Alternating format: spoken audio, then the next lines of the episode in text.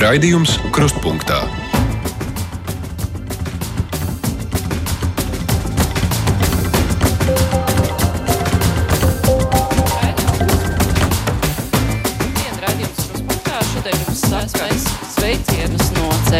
Sarunu festivāla Lampa galvenās skatuves. Tā esmu es, Mārija Ansone, bet skatītājos ir mans kolēģis Aidis Tomsons, kas nozīmē, ka arī cilvēkiem dos vārdu. Tiks dots vārds Aidi, kā tu to organizēsi? Pagaidām esmu noslēpies, bet vispār es pastaigāšu apkārt ar jums, kad viņi sarunās muļķības, tad jūs varēsiet viņus labot. Tā tā doma.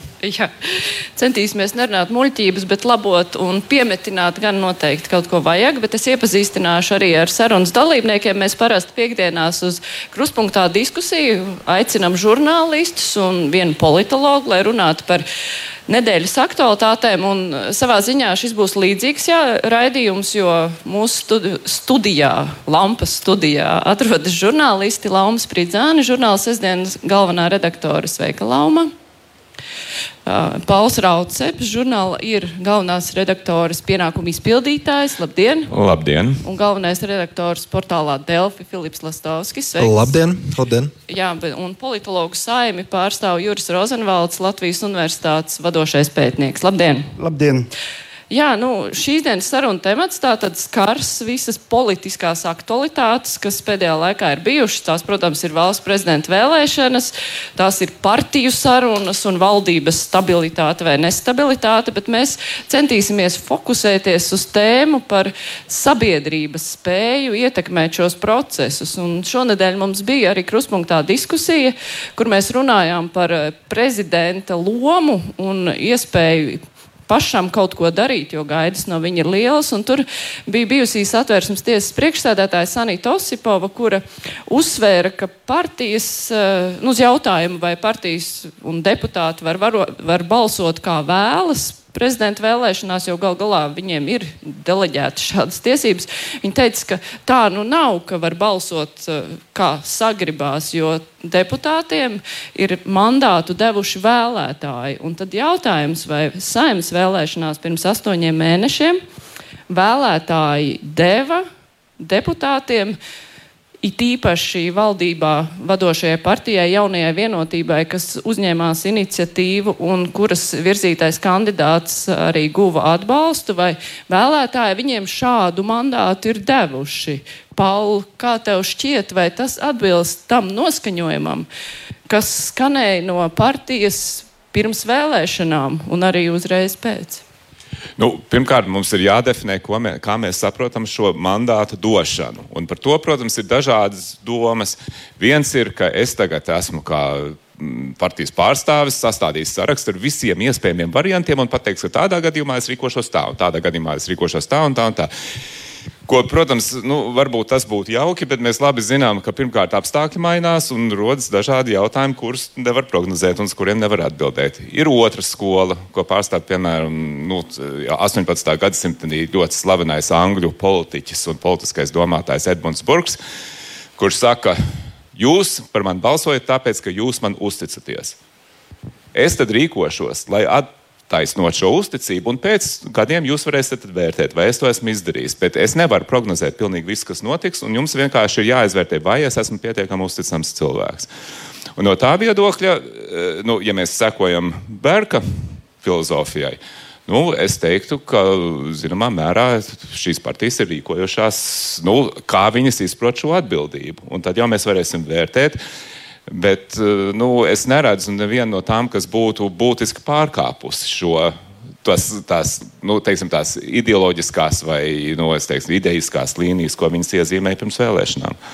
Jā, bet uh, es atceros, ka mēs žurnālisti partijām arī prasījām pirms vēlēšanām, kas būs jūsu prezidenta kandidāts. Un, nu, Ja es pareizi atceros, partijas bija ļoti piesardzīgas definēt konkrēti savu nostāju. Tas ir tāpēc, lai savu rokas brīvas atstāt, Lauma? Es domāju, ka jā. Un, uh, šīs vēlēšanas, es domāju, to arī ļoti labi parādīja. Ka līdz pat pēdējiem brīdim uh, bija tā intriga par to, ka vai būs kāds no šiem, vai vispār vēl kāds cits, vai būs vēl jaunas vēlēšanas. Um, tā kā no tāda viedokļa, jā. Paturpinot mazliet uh, Pauli sākto tematu, uh, es gribētu piebilst, ka es domāju, ka šis mandāts ir jautājums ir par to, kā kā notiek šī komunikācija, kas, piemēram, man likās ļoti, ļoti svarīgi, ka šajās vēlēšanās tomēr bija. Kā notika šīs diskusijas gan starp kandidātiem, gan paši kandidāti tika gan daudz intervēti un gan skaidri savas nostājas kaut kādos jautājumos pauda. Un tas, manuprāt, ir ļoti, ļoti svarīgi, ņemot vērā, ka mēs uh, Latvijā nevēlam uh, prezidentu tautas tauta nevēl prezidentu, tad ir svarīgi, lai šie kandidāti vismaz parāda kas tad viņi īsti ir. Ir sevišķi ar tādu kandidātu, kas ir mazāk pazīstami. Tā kā, no tāda viedokļa tas šoreiz bija ļoti labi. Filip. Vai ir mandāts? Vai ir mandāts, jā, un vai tas bija apzināti pirms vēlēšanām neteikt, jo mēs šos uzvārdus, kas skanēja vēlēšanās, nu, mēs vēlētāji par to neko nezinājām, un mēs nevarējām dot mandātu pēc tam vēlēt prezidentu. Nu, tad, man liekas, ir jārunā par divu veidu kaut kādiem mandātiem. Viens ir likumisks, kas, protams, viņiem ir, jo likums nevienā brīdī nav pārkāpts, un vēlētājs zina uh, vēlēšanu procedūru. Pieņemsim tādā ideālā pasaulē. Otrs, otrs veids, kā uz to skatīties, protams, būtu morāli ētisks par uh, to, kur uh, vai tiešām jaunās vienotības vēlētājiem uh, nu, bija zināms vai nojaušams, ka viņi pēc prezidenta ievēlēšanas varētu sadarboties ar uh, Lemberga pārstāvēt politisku spēku un pie tam pēc tam uh, nīkulīgi izvairīties no atbildības par to. Un tā kā teikt, nē, nē, mēs jau tur neko. Vai mandā, mandāts bija par šo morālo ētisko pusi? Noteikti, ka nē. Uh, vai bija likumiski viss pēc kārtības? Jā, bija. Jā, likumiski bija. Bet... Ja drīkst mazliet piebilst, es gribētu teikt, ka arī ir ļoti liela starpība starp to, kā beidzās prezidenta vēlēšanas un konkrētais prezidents tika ievēlēts, um, un kas ir pēc tam, kas notiek ar valdību, ko Filips tagad pieminēja. Uh, tā, tā arī ir ļoti liela atšķirība, un šeit gan es gribētu teikt, ka pēc vēlēšanām ļoti skaidri tās sarkanās līnijas, manuprāt, tika vilktas, un uh, tagad viņas tiek pārkāptas. Bet tas ir atkal jau nākamais jautājums. Bet, ja runājam tieši par prezidenta vēlēšanām, tad jā, tas mandāts, protams, ir izraudzīties kandidātu. Bet, ja, ja es arī drīkstētu, man liekas, ka ļoti svarīgi šajā visā procesā ir tas, ka mums pēdējās divās prezidenta vēlēšanās beidzot ir bijušas atklātas vēlēšanas. Jo runāt vispār par mandātu un tā izpildīšanu vēlēšanās, kur mēs nezinām, kā deputāti ir nobalsojuši. Un kā mēs zinām, iepriekšējās prezidenta vēlēšanās bija gadījumi, kad, ja mēs ticētu tam, ko partijas teiktu, tas konkrētais prezidents nebūtu ievēlēts, jo nesanāktu balsis tad šis uh, mehānisms, ka mēs zinām, kā deputāti ir vēlējuši, tomēr nostiprina to sajūtu, ka viņi, iz, nu, viņi savā izpratnē to mandātu izpild, jo viņi zina, ka viņiem par to būs jāatbild. Un viņiem varēs konkrēti prasīt, kāpēc jūs balsojat par to cilvēku. Uh, Rozenvalds kungs, nu, pēc labākajām politiskajām tradīcijām, kā vajadzētu rīkoties, jo prezidenta vēlēšanas nav tik ilgi pēc saimnes vēlēšanām. Un, uh, nu, saimnes vēlēšanās mēs zinājām, zinājām, ka šis jautājums agri vai vēl tiks celts dienas kārtībā. Valdības veidošanas sarunās visi arī gaidīja, nu, kā to ietekmēs vienošanās par prezidentu. Nu, kā būtu labāk rīkoties, lai vēlētāji nevar pārmest partijām, ka nu, viņi tur taisa kaut kādas aizmuguriskās sarunas? Uh, jā, bet man liekas, ka šis jautājums ir. Nu, es gribētu teikt, nu, varbūt tāpēc, ka es runāju pēdējais, ja?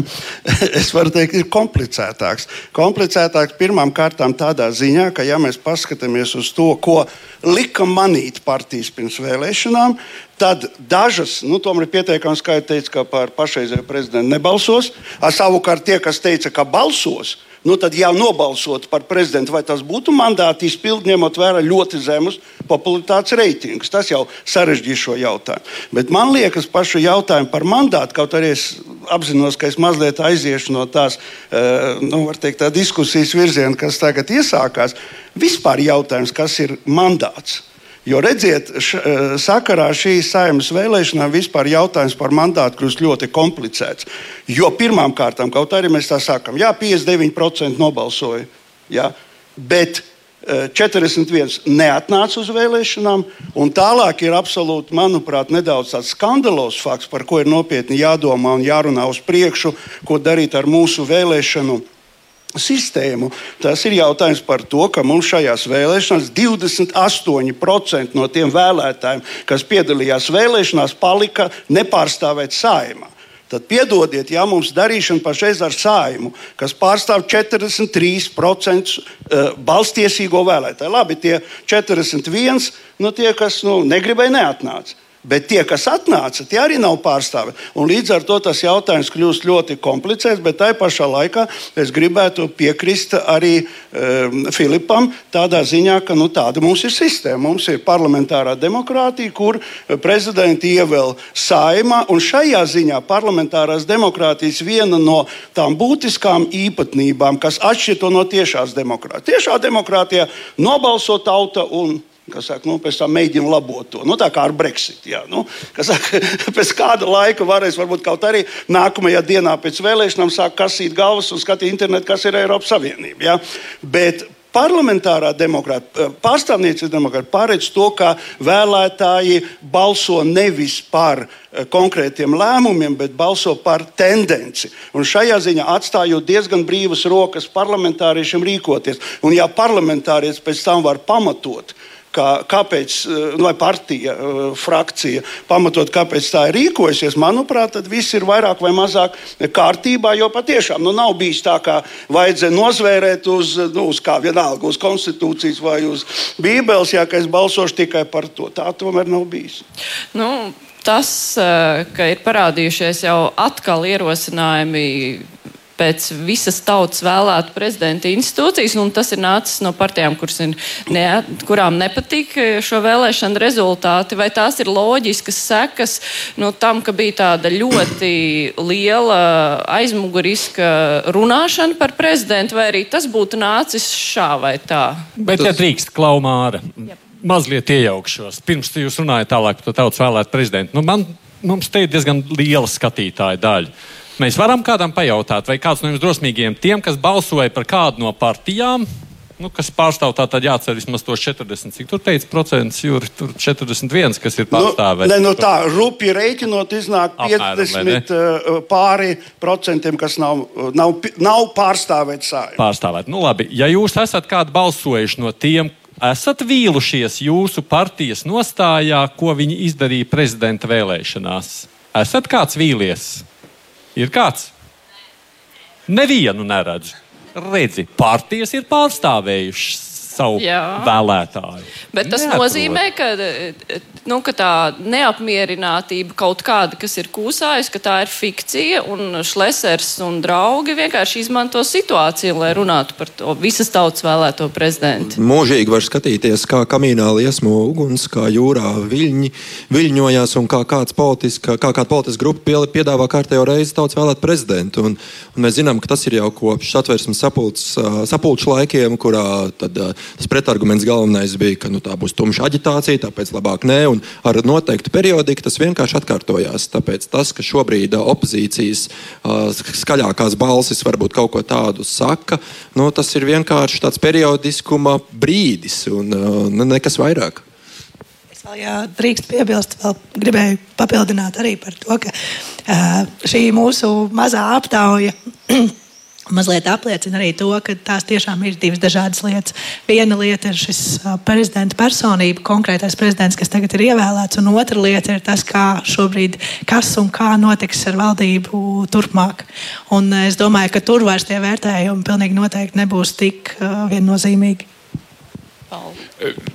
Par valdību vai par, par daudz vēlētu prezidentu? Par vēlēto prezidentu pabeigsim un pēc tam mēs Jā. dosimies. Nē, Tā tas ir. Nu, mēs tagad dzirdam par tautas vēlētu prezidentu. Jau nu, grūti iedomāties tos laikus, ka kāds par to nerunā. Tas interesantais ir tas, ka ļoti bieži tās partijas, kas par to skaļi runā, tad tā, nonāk līdz uh, faktiskai nu, tai, nu, lēmumu pieņemšanai, tas jautājums kaut kā aizslīd un netiek, netiek faktiski pieņemts. Jo, protams, deputātiem patīk tas ka viņi var ievēlēt prezidentu. Un kurš atteiksies no šādām tiesībām, ja viņiem tādas ir? Nu, ja mēs skatāmies nu, tā pavisam no, tā, no uh, parasta viedokļa.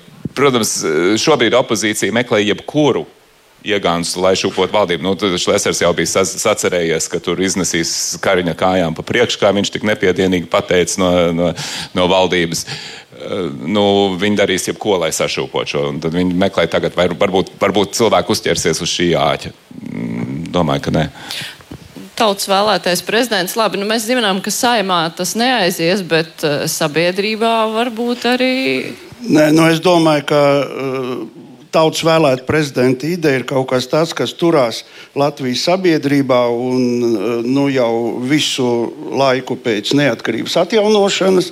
Jā, cilvēkiem, nu, Latvijā turklāt viss aptaujas rāda, ka ir ļoti daudz, ļoti liels cilvēku procents, kas augsts pēc, nu, kas saka, tāds demokrātiskās, bez stipras rokas. Jā, ka būs viens, kas atnāks un visu sakārtos, jā, un tā pašā laikā es gribētu teikt, ka nu, tas ir dabiski, ka opozīcijas partijas meklē iespēju paspēlēt, eh, paspēlēties uz šiem, eh, šiem noskaņojumiem. Jā, līdz ar to, bet kas attiecas uz tautas vēlētu prezidentu, man liekas, ka ir ļoti svarīgi arī visiem apzināties, ka tas nav tikai jautājums par to, ievēlēsim vai neievēlēsim, tas ir jautājums par prerogatīvām, un otrkārt arī eh, sabiedrībai jāapzinās iespējamās blaknes, kad veidojas divi leģitimācijas centri. Jā. Vienam ir visas tautas, eh, saka, mandāts, un citiem ir eh, nu, pārstāvniecības demokrātijas ietvaros mandāts. Līdz ar to tā ir problēma, kas saistīta ar tādām pārēju vai tuvošanos prezidentālām republikām. Ar visām tur starp formām, par ko acīm redzot, tagad nav jārunā, bet, bet katrā ziņā tā ir problēma. Cienījamā publika, neklausieties viņa skepsē. Kurš grib tauts vēlēt prezidentu? Kurš? Bija tikai bija, divi. Tikai divi. Vispār, ja ne, ne trīs. Pārējie negrib, ja? Kurš negrib? Oh, oh, oh. Vairums jūsos ieklausās tādas aizdomas, tomēr. Bet, ja es drīkstu pie tām, kurš pacēla, kurš gribēja? Ir kāds gatavs teikt? Varat? Ne? Kurš, kurš ir gatavs izteikties? Jā, o, o, nāku, nāku, nāku, nāku. Kāpēc gribat? Nu, tāpēc, kad šis brīdis parādīja, ka atkal varēja to ūdeni duļķot, gāzt valdību, negāzt. Ja būtu tautas vēlēts prezidents, Nu, tad uh, viss būtu skaidrs, tas ūdens būtu dzidrs. Kaut gan es eh, piekrītu, ka uh, prezidents mūsu valstī nu, gandrīz neko nu, nespēja ietekmēt. Pāris prezidentiem bija kaut kādas pāris labas frāzes, nu, un tas arī viss. Viņi nevar mūsu ekonomiku teiksim, bīdīt, bīdīt uz priekšu vai bīdīt atpakaļ. Nu, ne, viņi nevar to. Bet tad nebūtu tās valdības konsekvences. Cienītais uh, skatītājs, drīkst jums uzdot jautājumu? Tomēr es neiepazīstu. Es uh, iedomājos situāciju, mums vienkārši nav tādas pieredzes, bet iztēlosimies, ka šis uh, tautas vēlētais prezidents ir. Nu, viņu ievēl, un viņš paziņo, ka ar pašreizējo valdību tādā sastāvā viņam sastrādāties būs ļoti grūti. Kas tad liedz atkal duļķot to no šāda griezuma? Es, es šaubos, ka viņš gribētu. Nu, es ļoti šaubos, kaut gan viņam tādas tiesības ir. Viņš varētu arī pieprasīt pievienoties Krievijai. Bet es, par to arī šaubos, vai ne? Bet, nu, diemžēl tāds ir. Man patīk citās valstīs kaut kāda citas vēlēšana sistēmas, kur uh, vēlētāji pēc kaut kāda laika ir vīlušies kādā deputātā un savāc paraksts, un viņi atsauc. Pieņemsim, mums bija tāds deputāts ple, tas Plešs vai Plerkšs, kurš tos kazino aizstāvēja. Ja? Es domāju, ka bija liela daļa vēlētāji, kas gribētu viņu atsaukt. Un arī daudz tādu ir. Es brīnos, kāpēc līdz šim pie mums tas nav ieviesies. Sakot, prezidentu, ja tu tauta ievēl, tauta arī varētu viņu padzīt. Tagad redz, ko. Jā, bet turpinot sarunu ar skatītāju, es gribētu atzīmēt, vai mēs e, būtu ļoti priecīgi, ja mums būtu situācija kā Francijā, kur, kā zināms, prezidents Makrons var teikt, ieviesa šo pensijas, eh, jauno pensijas likumu, ka, kas objektīvi bija vajadzīgs, neapšaubāmi, bet kam eh, bija pretestība arī ne tikai no sabiedrības, bet arī no parlamenta puses. Un viņš to izdarīja. Jā. Un šajā ziņā ir, es gribētu teikt, ka nav tādu viennozīmīgu, pozitīvu risinājumu, kas nerada nekādas problēmas. Vienmēr būs kaut kāds blaknis. Jā, bet ja mēs redzējām, ka tiksim, ar pašām prezidenta vēlēšanām, ar ievēlēto prezidentu šeit publikā un arī nu, daudziem cilvēkiem iebildumu nav, tomēr Kā jau tika norādīts, eh, prezidenta vēlēšanu process un sarunas partiju starpā ir jau cits stāsts un to, kā tas gal galā ietekmēs valdību, jo kaut kādas sarkanās līnijas, ar ko mēs strādājam, nestrādājam, ar ko mēs ejam kaut vai priekšvēlēšana debatēs, nu tās bija diezgan skaidri ievilktas. Un, Šobrīd, kad iespējams vienā valdībā būs jaunā vienotība un ZZS, kuri pirms vēlēšanām negribēja kopā pat runāt, tad eh, jautājums, vai šeit vēlētāji nevarētu justies piekrāpti? Paul. Atkal vērtēsim pēc rezultātiem. Man liekas, ka šajā visā diskusijā ļoti prevalē, un tas ir dabiski, ka žurnālisti tā dara, skatās uz tām, nu, vai es varu noskaidrot, kas runāja ar ko, kurā brīdī, kur aiz kurām kulisēm tas notika un tā tālāk. Un tas, protams, ir ļoti aizraujoši un vedina uz uh, kriminālu romānu kaut kādiem tādiem elementiem, un tas ir interesanti. Bet man liekas, pārāk maz uzmanība ir pievērsta uh, tam iemeslam, vienam no iemesliem, ko Kariņš izvirza, kāpēc viņš vēlas, nu, tagad viņš saka, paplašināt valdību. Viņš ir nosaucis piecus programmatiskus punktus, kas, domāju, neapšaubāmi, nu, vismaz četri no tiem, vai nu, varbūt trīs, ir tādi, kuri no, nu, nepārprotami atbilst vienotības vēlētāju kaut kādam gaidām par to, ko viņi vēlētos no šīs partijas. Uh, nu, kaut vai tas pats uh, Stambulas konvencijas ratifikācija. Es domāju, ka droši vien ka lielais vairums uh, vienotības vēlētāji vēlētos, lai to konvenciju ratificē. Ja rezultāts būs tāds, ka viņš sasniegs šo mērķi, tad viņš varēs teikt, jā, nu labi, nu redziet, bet apstākļi mainījās, bet es esmu izdarījis kaut ko svarīgāku. Un tas ir tas mans arguments, kāpēc es to esmu izdarījis. Mēs varam apšaubīt, vai tie ir viņa īstie mērķi. Mēs varam skatīties, vai viņš to sasniegs. Bet es domāju, ka teiksim, ir, vien, tā ir viena no lietām, kas mums ir jāvērtē skatoties uz to konkrēto politisko situāciju, jo lietas mainās strauji politikā. Un atkal tāpēc es drīzāk esmu tāds verka piekritējs, ja, ka mēs uzticamies kādam, un tad mēs skatāmies, kā viņi ir rīkojuši, un pēc tam mēs arī vērtējam. Jā, bet uh, jautājums, vai mērķi drīkst sasniegt jebkādiem līdzekļiem, jo kā vakar mūsu raidījumā, raidījumā norādīja Egils Levits, pašreizējais prezidents, eh, tad eh, gadījumā, ja valdībā būs partija, kuras premjera kandidāts joprojām ir persona, kuru ASV ir, kurai ASV ir uzlikusi sankcijas, tad eh, mūsu partneriem var rasties lieli jautājumi. Un tad ir Mums jautājums, vai mērķis attaisno līdzekļus? Es saprotu, tad Lembergs nav mainījies kopš 9, 10, 11 gada, kad ZZS bija valdības stūrakmenis. Jā, teiksim, labi, ASV ir tur viņam piekāruši šo birku, un tas, protams, ir svarīgi, bet nekas jau no viņa, viņa personībā nav mainījies. Iespējams, varbūt viņa ietekme pat ir mazāk šobrīd nekā bija agrāk.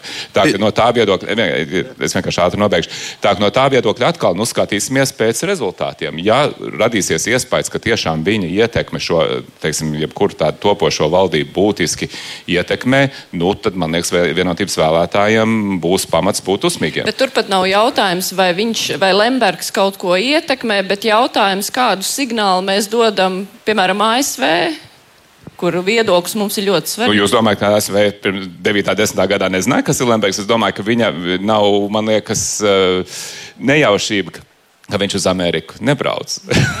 tad, tad, nu, tas nav tāpat vien. Tas, ka viņš, ka, viņa, ka viņš ir premjerkandidāts partijai, kur šobrīd nu, labi, ne šobrīd, bet varbūt kaut kādā brīdī būs valdībā. Es, mm -hmm. es atkārtoju, es domāju, ka mums ir jāskatās uz rezultātu. Mums ir jāredz, kas būs. Ja? Un, te, un tad vēlētāji varēs vērtēt, vai šis ir kompromiss, kas ir pār, pārkāpis kādu līn, kādas līnijas. Jo ir skaidrs, ka, teiksim, ka tās citas lietas, ko vienotība ir izvirzījusi kā mērķis, viņi šajā valdībā diez vai sasniegs. Es Es, Filips, eh, es labi mēģināšu ātri. Pauli, nekas personisks, eh, absolūti. Bet, eh, ja es būtu jaunā vienotība, es runātu precīzi tos pašus vārdus, ko tu šobrīd izklāstīji. Un tā ir tāda port, partijas pozīcija, nevis no tevas puses, bet partijas pozīcija, kā to iznest. Tā ignorē faktu par to, ka lielas problēmas, izaicinājumi un kas tikai neeksistēja arī pirms šīm vēlēšanām un citās citās. Skaidrs ir tas, ka mums bija brīdis, tostarp starp citu, žurnāls ir, ir bijis viens no visprincipiālākajiem uh, mēdījiem, kas ir vērsies pret oligārhu varu Latvijā, kurā mēs sakam, ka nē, stopit. Un tagad pēkšņi paradigma kaut kā ir pamainījusies, un mēs tur līkločus metam, lai tomēr izskaidrotu. Pagaid, es atvainojos, Filip, mēs esam vienmēr iestājušies pret oligārhu ietekmi, bet es atvainojos, sapratu, piemēram, 9. un 10. gadā, kad bija jāglābj valsts no finanšu krīzes, nu, ZZS bija tajās valdībās. Vai ne? Un tajā brīdī nu, ir kaut kādā veidā jāsaprot, ka politika ir aritmētika. Ir jābūt attiecīgām balsīm saimā, un, tu, un tev ir jās, jāspēj savi izveidot vairākums. Mēs nekad neesam runājuši, pieļāvuši to, ka uh, oligarhi būtiski ietekmē šo politiku, bet man jāsaka, ka šajās visā laikā, kopš, piemēram, žurnāls ir eksistējis, viņi tur ir bijuši. Un nevarēja izveidot valdību bez kaut kādā veidā, teiksim, bez partijām, kuriem kaut kādā veidā šīs saiknes bija. Tad ir jāatrod tas veids, kā no vienas puses izveidot rīcības spējīgu valdību, kas spēj panākt tos mērķus, kas mums ir svarīgi. Kaut vai es saku, ka ZZS bija valdībā krīzes laikā, un mums bija jāaizkļūt, jāaizkļūst no krīzes. Tas no vienas puses, un no otras puses ierobežot šo ietekmi lai viņa nav, neizdara tādu kaitējumu, kad, kas nav labojama vai kas kaut kādā veidā ir pilnīgi netiesiski. Nu, teiksim, es, Tā. Vienā, vienā teikumā man šobrīd izskatās, ka ir aritmētika pret principialitātes svaru kausos, un tā aritmētika ir uzvarējusi. Bet es runāju, tas pats bija jautājums 9. un 10. gadā. Jā, teiksim, mēs esam šeit, šeit un tagad. Es arī absolūti gribētu atbalstīt Filipu un šoreiz iebilst Paulam, jo, manuprāt, ir ļoti svarīgs jautājums, un tas nav tikai žurnālistu intereses, tāda zinkārība, bet ir ļoti svarīgs jautājums, kas, pa, nu, par cik šīs ZZS balss ir nopirktas. Tā, tā cena ir šajā gadījumā ļoti, ļoti būtiska. Un, tāpēc es šeit arī nevaru absolūti piekrist. Un, un otra lieta, kas manuprāt ir ļoti principiāli mainījusies, ka šīs bija, ja es tagad ļoti nekļūdos, pirmās vēlēšanas, pēc, kurās pēc rezultātu paziņošanas partijas ļoti skaidri vilka šo sarkano līniju. Tas nekad iepriekš nebija bijis. Šīs bija pirmais tāds reize.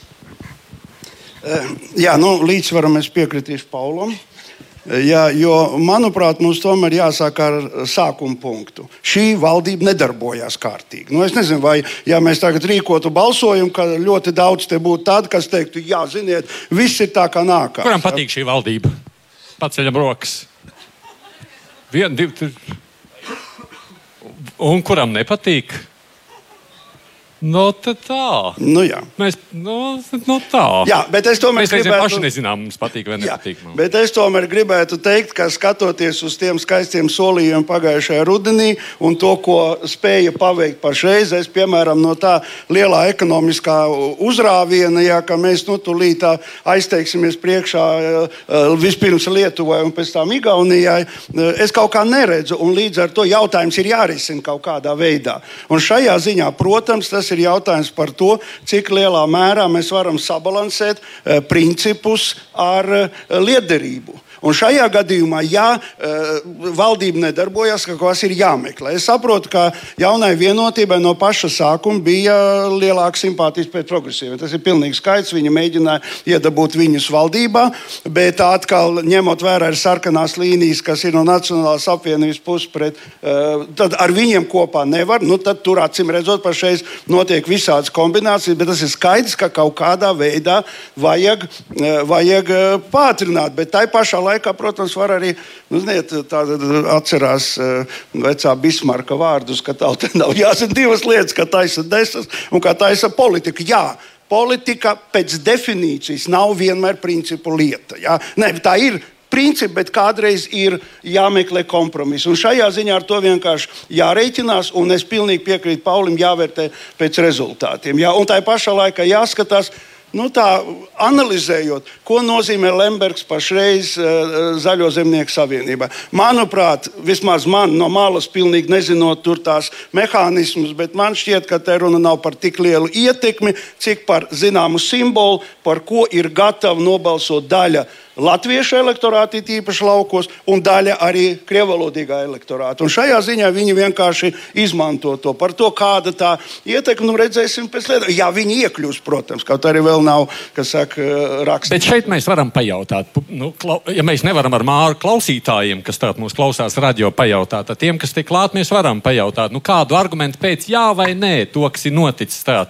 Nu, kā mēs redzam, nu, prezidenta vēlēšanas ietekmē arī tālāk valdību un visu šo politisko sadarbību. Vienalga, jums patīk vai nē, kāds ir tas jūsu viedoklis, nu, kā jūs redzat, kas tur ir labs vai slikts. Es turēšu mikrofonu, jūs tik runājat. Būtībā jau valdību no sākta gala ir šūpojuši gan nacionāļi, gan apvienotais saraksts. Nepavelti vienotība mēģināja iekļaut valdībā progresīvos, lai būtu uz kā balstīties. Un patreiz uh, absolūti piekrītu Paulim un viņa atbalstītājiem, ka svarīgi ir strādāt valsts ekonomikai. Kaut arī tāpēc būtu jābalstās uz zaļo zemnieku pleciem. Jo, vie, jo apvienotais saraksts un nacionāļi turpinās šūpot valdību. Viņiem ir savs plāniņš, kā tikt pie lielākas varas. Ir vēl kāds viedoklis, kāds ir gatavs vēl ko teikt šajā sakarā?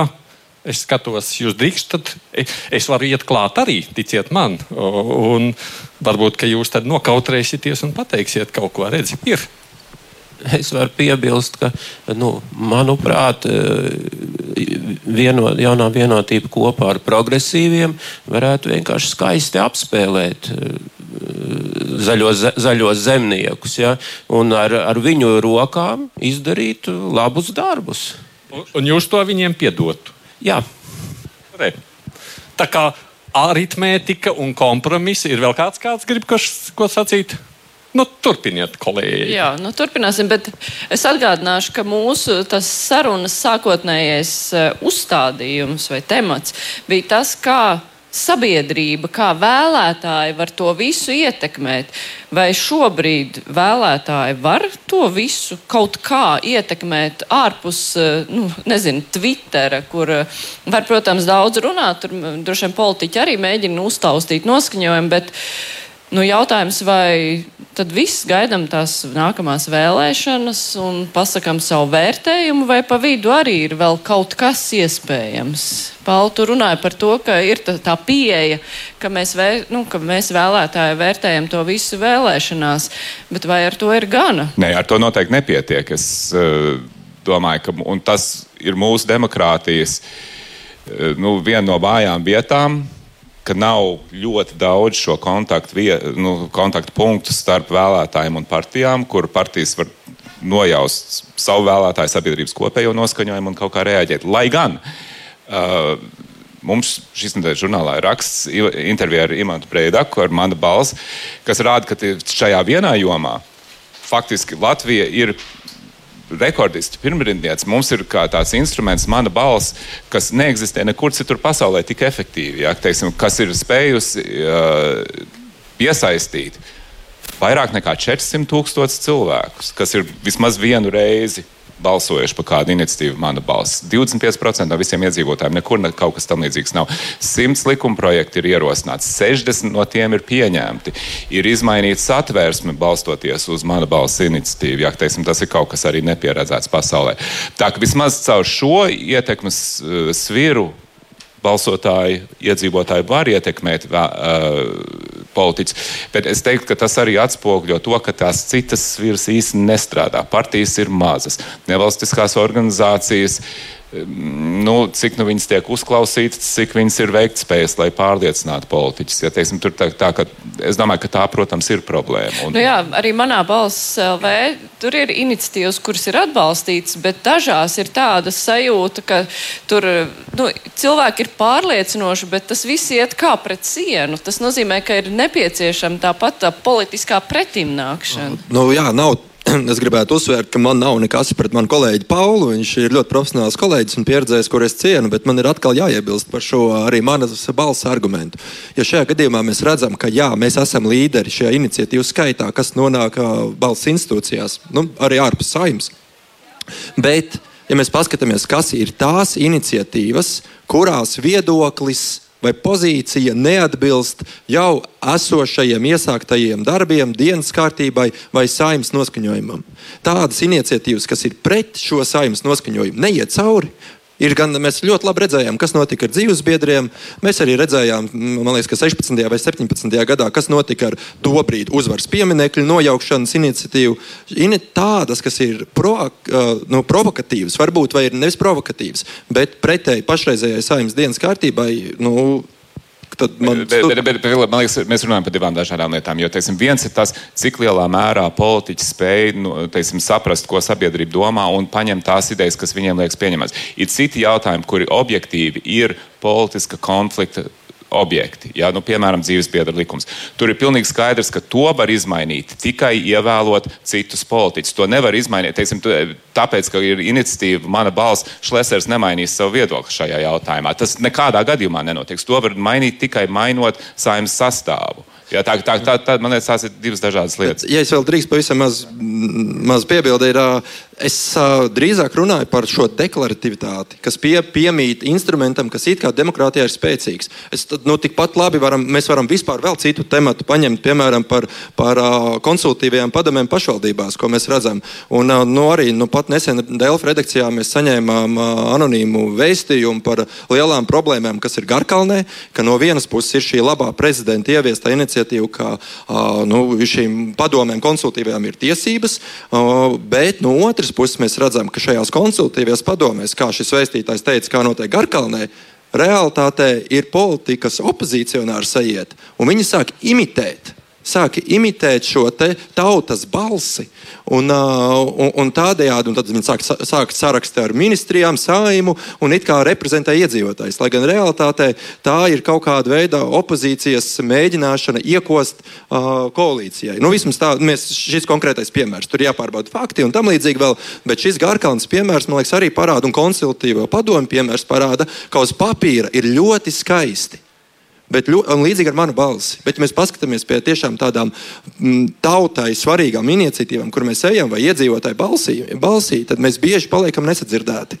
Jā, es atkārtoju, ir politiskais konflikts un ir ideja pārņemšana. Mēs nevaram sagaidīt, ka visas idejas atbildīs visu partiju interesēm. Līdz ar to dažkārt ir jābūt konfliktam un ir jā, tas jāatrisina, ir jāvēlot cits cilvēks. Nu, tur vienkārši tā tas ir. Man diezgan pesimistisks skats arī laikam būs. Mēs tomēr teiktu, ka tas galvenais instruments ir vēlēšanas reizes četros gados. Nu, labi, ne reizes četros gados arī pašvaldību vēlēšanas. Pārējā laikā es tomēr teiktu, ka, ja vien tu negribi tiešām iesaistīties politikā, kas nozīmē iesaistīšanos politiskajā partijā, tad tās iespējas kaut ko patiešām ietekmēt ir ļoti mazas.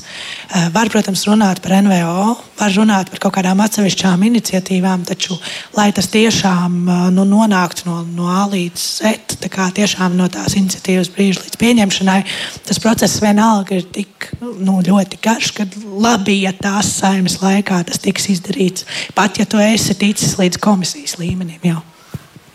Eh, man, liekas, ka šajā sakarā mums tomēr skaidri jānošķir starp to, ko zinātne sauc par darba kārtības eh, noteikšanas iniciatīvām, kur cilvēki piedāvā jautājumus, par kuriem jāspriež eh, kādiem citiem, ko viņi ir ievēlējuši. Ja? Un mana balss ir tāda veida instruments, un tāpēc gaidīt, ka tu līdz sājuma nostāsies miera stājā un teiks, ka saka, javol, jā, tā nebūs, un, un tam tā nav jābūt starp citu, ja, eh, ja mēs runājam.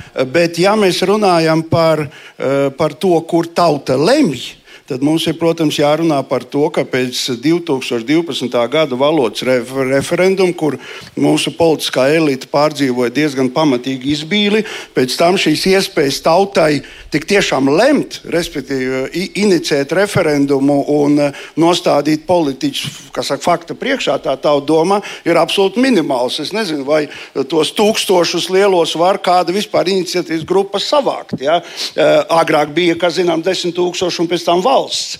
Jā, tāpēc, manuprāt, tas ir diezgan būtisks jautājums. Vismaz ir kaut kādas cerības, jo pirms saimnes vēlēšanām vairāk, vairāk politiskie spēki tieši aicināja, manuprāt, arī no pozīcijas puses atskanēja tās balss, ka nu vajadzētu kaut ko mainīt. Arī valsts prezidents Egils Levits vienā diskusijā jā. teica, ka viņš tā kā varētu rosināt, bet tas viss absolūti. Jā, nu tas pagaidām aizgājis, bet es gribu cerēt, nu tomēr mēs esam saimas, šīs saimas darbības pašā sākumā sākuma, ja neatlaidīs, protams, ja, bet, eh, bet eh, gribētos eh, tomēr redzēt to, kā tie tiešās demokrātijas elementi, ko mūsu valsts tēvi dibinātāji ir ielikuši satversmē, ka tie tiks atjaunoti un šajā ziņā, nu, kas saka, tā patiešām būs iespēja lemt Ne tikai tad, kad eh, valdība ierosina referendumu, bet to varētu darīt prezidents, to varētu darīt arī, arī paši vēlētāji. Manuprāt, tas būtu. Bet pēdējā piezīme, ko es gribu izdarīt, mums eh, tomēr vajadzētu arī ņemt vērā eh, atšķirības ar diviem momentiem. Viena lieta ir iespējas izteikties, un otra lieta ir paša vēlēšanās un saka, aktivitāte šajā sakarā. Un šajā ziņā mums tomēr jāņem vērā. Ja mums, teiksim, arotbiedrībās, kuras nu, tomēr parāda kaut kur savu savu spēku ir tikai 13% apmēram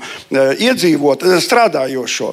Ja mums pilsoniskās sabiedrības organizācijās nu, ir relatīvi mazāk, cik man zināms, nekā citās Eiropas valstīs, tad šajā gadījumā runa ir ne tikai par to, ka neļauj bet arī par to, ka nevienmēr paši ir gatavi. Es, protams, ne, nesaku, ka jābūt atkal, pieminu Francijas piemēru, kur ir nacionālais sports. Ik pa brīdim iziet ielās un, un, un tad kaut kur um, paprotestēt. Ja? Bet katrā ziņā šajā, šajā jomā pilsoniskā aktivitāte varētu būt Latvijā arī augsta. Francija bet, nav bijusi tas lielākais piemērs, ko mēs bieži tādā ziņā esam skatījušies, ko mēs gribētu droši vien pārņemt. Šveice gan. Un es atceros, ka pirms kādiem gadiem, kad mēs daudz runājam par Šveices referendumiem, tas jautājums vienmēr bija, nu kā ir skaidrs, ir divas lietas, kur mēs varam iesaistīties. Vēlēšanas šobrīd nu, mana valsts pieminēta iniciatīva, un tad ir bijis referendums, kur mums realitātē faktiski nav. Un tas jautājums, vai sabiedrība ir vai nav gatava. Refer es, piemēram, nu, es tā īsti aptauju, bet man liekas, klausītājiem jāapsaka, kā tie aptaujas kamēr, rezultāti. Aidi, kamēr tu tulīt uzdos jautājumu, atgādinām, ka no nākamā gada teorētiski aizvien varētu stāties spēkā pašvaldību likums, kurā ir paredzēta šī iespēja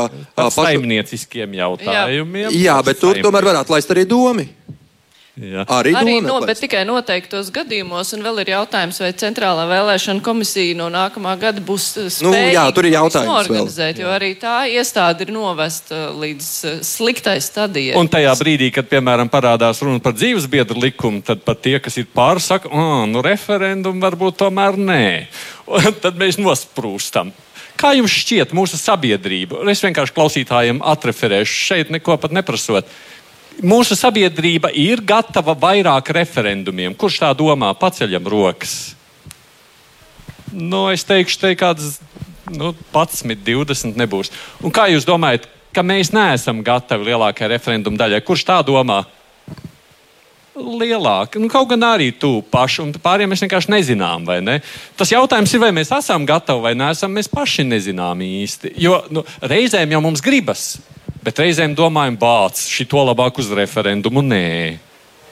Bet vēl ir jautājums arī par eh, pieminētajām nevalstiskajām organizācijām. Vai ir tā, ka cilvēki negrib tur darboties, nav gatavi, vai šīm organizācijām pietrūkst kaut kādu vispārēju valsts atbalsta, nu, arī nezinu, tāda tēla, ka tur darboties ir labi. Nu, man liekas, ka ir jānodala noteikti nevalstiskās organizācijas no ar arotbiedrībām, ko pieminēja profesors. Jo Nu, mēs zinām, manuprāt, ka arotbiedrību zemā aktivitāte ir sekas padomju Savienības beigām un tā cilvēka sajūtai par obligāto būšanu tajā darba vietas kolektīvā un tajās visās ā, izdarībās. Bet, ā, Teikt, ka pilsoniskā aktivitāte ar nevalstiskām organizācijām būtu kaut kā vāja, šobrīd es laikam neteiktu.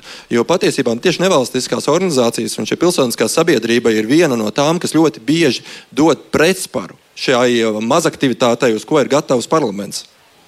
Nu, dod pretsparu, un eh, kā tas tiek uztverts? Vai politiķi šo pretsparu uztver ar cieņu, vai arī nu, tā nicīgi, jo arī no saimnes komisijām ir nākuši tādas atsauksmes, ka tur aiziet kāds sabiedrības aktīvists eh, paust viedokli, un ka viņš tiek uztverts kā. Nu, Ko viņš te vispār nāk? Nu, ka nav cieņas arī no valsts puses pret uh, Ja drīkst. sabiedrības balsi. Ja drīkst, es mazliet um, piebildīšu. Man liekas, ka šī taisna ir tā problēma. Viens jautājums ir referendumi, ka tas ir tiešām kaut kāds viens konkrēts lēmums jāpieņem vai jānoraida. Bet otra lieta ir šīs diskusijas, pēc, kaut vai diskusijas pēc būtības. Tajā brīdī, kad ir kaut kāda iniciatīva, ar kuru vienalga, vai tas ir NVO, kas, tas, kas nāk, vai kaut kāds konkrēts cilvēks, ka ir ļoti grūti panākt, lai politiķi diskutē pēc būtības, nevis vienkārši noraida vai vienkārši uh, kaut kur pieliek atvilknē. Uh, tieši tā, man liekas, ir tā problēma. Un tas ir tas, ko tu arī teici, ka man liekas, pietrūkst šīs ieklausīšanās un vēlmes sadzirdēt.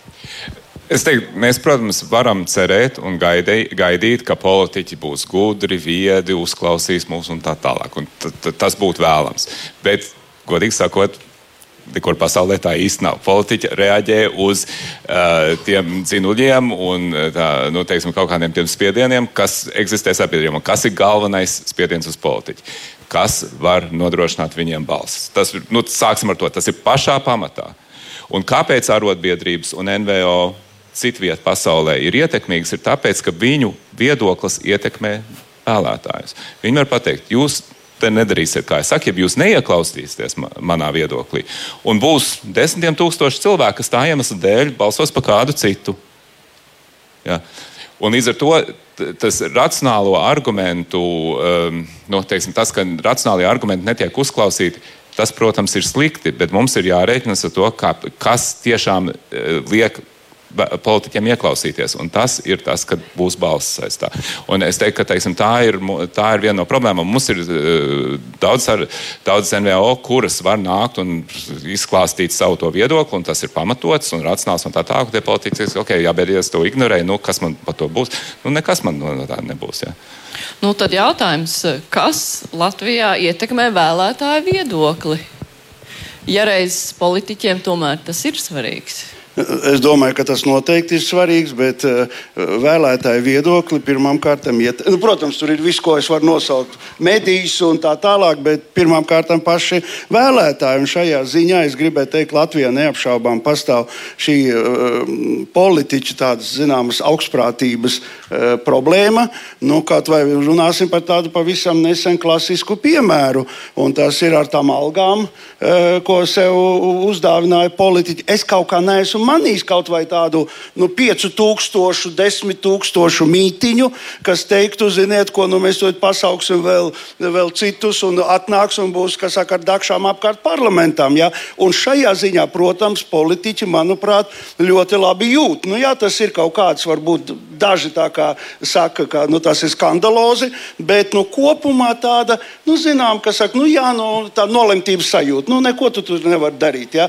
Manuprāt, tomēr šī ieklausīšanās balsi, apzinoties, ka tad uz ielām būs cilvēki, ja, un tad, protams, vai paralēli tam uh, nevalstiskās organizācijas, tās pašas arotbiedrības, ja, nu, tad attīstīs savas nu, saka, aktivitātes. Nu, tad, jā, bet nu, mums šajā ziņā tomēr es savukārt Filipam negribētu līdz galam piekrist. Jā, nevalstiskās organizācijas ir aktīvas, un cepurnos daudzos gadījumos reaģē ātri. Ja, bet jautājums ir arī par to, cik daudz cilvēks stāv aiz šīm. Ne tādā ziņā, ka ir uh, biedri jā, šo organizāciju locekļi, bet tādā ziņā, ka viņi gatavi nu, saka, arī kaut kā aktīvi reaģēt. Un šajā ziņā ar to aktīvo reaģēšanu nu, mums nu, nav to tradīciju pirmām kārtām, varbūt tik attīstītu. Nu, un bieži vien ir tāda zināmā vienaldzība nolemtība, kā jau es teicu. Klaumāra, nu, dos man pāris minūtes laika aprunāties ar ļaudīm. Obligāti. Vai un kā mēs varam ietekmēt, jūsuprāt, nu, vai un kā varētu vai vajadzētu rast veidus, kā mēs varam ietekmēt nezinu, politiķus viņu lēmumu pieņemšanā? Ir kādas domas? Nu kā? Mums te doma ir, ka varbūt vajag maksāt, bet labi, ja tā nopietni, protams, ka var ietekmēt, manuprāt. Ja tev ļoti, ļoti, ļoti gribās nu, kaut vai vienmēr tiešā veida komunikācija, mēģina uzprasīties uz tikšanos un nerunā ar viņu. Ko mēs nemaz tā neizmantojam pārāk daudz, ja? Es nezinu, man nav nejausmas. Es, es noteikti neizmantoju. Es varētu iet runāt vairāk, bet man vienmēr tāds, man tik daudz tas nav vajadzīgs. Es teiktu, ka Latvijas iedzīvotāji neizmanto iespēju iet uz sarunu kaut vai reģionos skatoties, jo uh, Politiķi taču saka, mums te ir atvērto durvju dienas vai tās pieņemšanas dienas saucamās.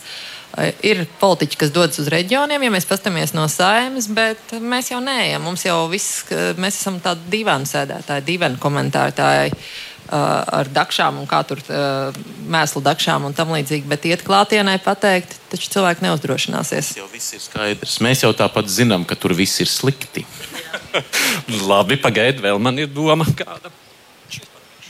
Uh, es domāju, ka šobrīd tas lielākais jautājums ir par politisko atbildību un tas, ka mēs nevaram atsaukt deputātu vai politisku spēku, kas ir nogājis nost no tā mana vēlētāja mandāta. Nu, respektīvi, mums ir tagad saimā deputāti, kur ir ārpus jebkā. Mums ir pagājušā saima, kur KPLV saplēsa sevi uz pusēm. Nu, šis, manuprāt, ir jautājums, kas ir jārisina. Redz, arī šis aspekts. Jūs jau varat komentēt, ja jums ir ko piebilst pie tā, ko, ko mēs runājam. Te varbūt ir vēl kādas domas. Jā, redzu, redzu, paga, pagaidi. Nu, jautājums, vai tas cikls četri gadi nav pietiekams, lai ietekmētu, jo KPL, man liekas, ka saņēma tā teikt rezultātu nākamajās, un, un vai sabiedrībai vajadzētu tik ļaut tik daudz veltīt laika, lai sekot līdz katrai mazākajai niansei, pieskatītu tos politiķus, eh, kungus un dāmas, kas ir ievēlēti. Jo nu, politiķi jau pēc būtības ir tas sabiedrības spogulis. Uz četriem gadiem viņš ir nofiksēts, un pēc četriem gadiem nu, atkal skatāmies. Un man liekas, ka tādā ziņā pašiem vajadzētu vairāk sabiedrībai par uh, sev aktuālajām lietām interesēties. Un, nezot, jā, kopumā es domāju, ka ir ok. Un, un vienkārši lineāra attīstība šai pašā virzienā. Re. Jā. Sakot, ka varbūt nav nemaz problēma. Jā, es gribētu uh, iepriekšējiem klausītājiem iebilst.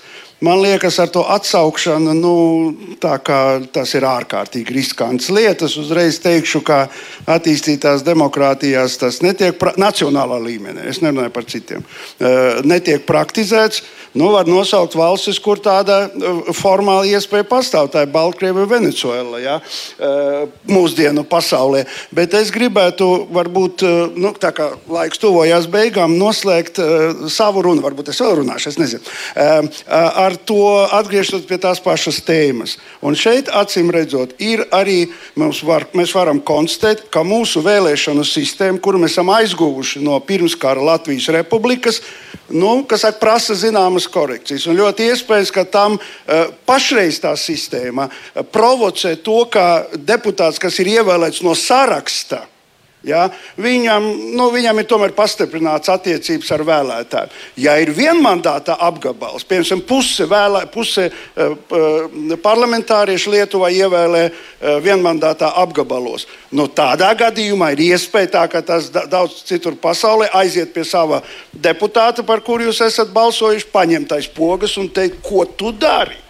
Vai otrādi tev jādara tas un tas. Un es domāju, šajā ziņā tas ir normāli demokrātiskā procesa sastāvdaļa, ka mēs ne tikai turamies un sitam krūtīs un lepojamies, mums ir 22. gada satversme, bet domāt par to, ka mēs varam kaut ko pilnveidot atbilstoši, nu, kas saka, laikam. Tāpat, starp citu, mēs sākam runāt par prezidentu. Ļoti iespējams, e, kā pirmām kārtām būtu normāli, manuprāt, tā kā Igaunijā ar divām trešdaļām ievēl, un ja nevar ievēlēt, nu tad mīlīgi mīlīši ejiet un tad paplašināt elektoru kolēģi. Kaut arī, protams, tie visi jautājumi, par kuriem var strīdēties. Jā, nu, mēs tagad esam nonākuši līdz šiem ļoti tehniskiem vērtējumiem, un tas, protams, ir svarīgi, jo, teiksim, tāpat kā automobīlī, mēs, skat, nu, mēs nezinām visas tās, teiksim, kā darbojas, darbojas karburators un tā tālāk, bet ja viņi nedarbojas, mēs saprotam, ka tā mašīna neies. Uh, un es piekrītu Rozenvaldam kungam, ka ir problēma tajā, ka šī mūsu esošā politiskā sistēma ļoti sakoncentrē varu partiju līderos. Jo viņi ir tie, kas sastāda sarakstus un līdz ar to arī izvēlas, kas faktiski varēs kandidēt un tās iespējas. To mainīt ir diezgan ierobežots. Es nesen uzzināju, kā Igaunijā, Igaunijas sistēma, kas man liekas ir ļoti labs kompromiss starp šiem diviem, jo partijas sastāvdaļas sistēmas, bet katrs balso nevis par sarakstu, bet par vienu kandidātu. Un līdz ar to tas ir ļoti, pirmkārt, nav, ne, nav šī strīpošana, kas var izkropļot to uh, sarakstu kārtību, bet no otras puses, tādā veidā cilvēks, kurš ir apakšā, var iekļūt uh, saimā pat bez partijas, teiksim, tādas sevišķas labvēlības. Tikai Paulēs grib atzīmēt, ka viņiem tieši tika nu, ne tas īstais kandidāts, gandrīz tika iekšā. Šādā. Jā, nu, diemžēl, Filip, droši vien, ka desmit sekundēs tev neizdosies pateikt. Man ir, es labāk pateikšu tev paldies, un arī visiem pārējiem paldies par piedalīšanos šajā diskusijā. Juris Rozenvalds, politologs, Laumas Pridzāne no žurnāla Sesdiena, Pauls Rauceps no žurnāla Ir, Filips Lastovskis no portāla Delf un arī mans kolēģis Aidis Tomsons no raidījuma Kruspunktā. Un varat apskatīt arī Evi Junāmu, mūsu raidījuma producenti, kur sēž blakus un parasti nav redzama. Es pateikšu arī lampas skatītājiem un klausītājiem par pareklamēšu mūsu raidījumu gan rītdienas Ar, Arņa Krauzes eh, laikmetu kruspunktā. Viņam būs atkārtojums raidījumam intervija ar Lilitu Ozoliņu, kur nesen aizgāja mūžībā. Un eh, pirmdien kruspunktā būs saruna ar NATO strateģiskās komunikācijas centra vadītāju Jāni Sārtu. Runāsim par Ukrainu. Bet kruspunktā šodien izskan. Vislabāk!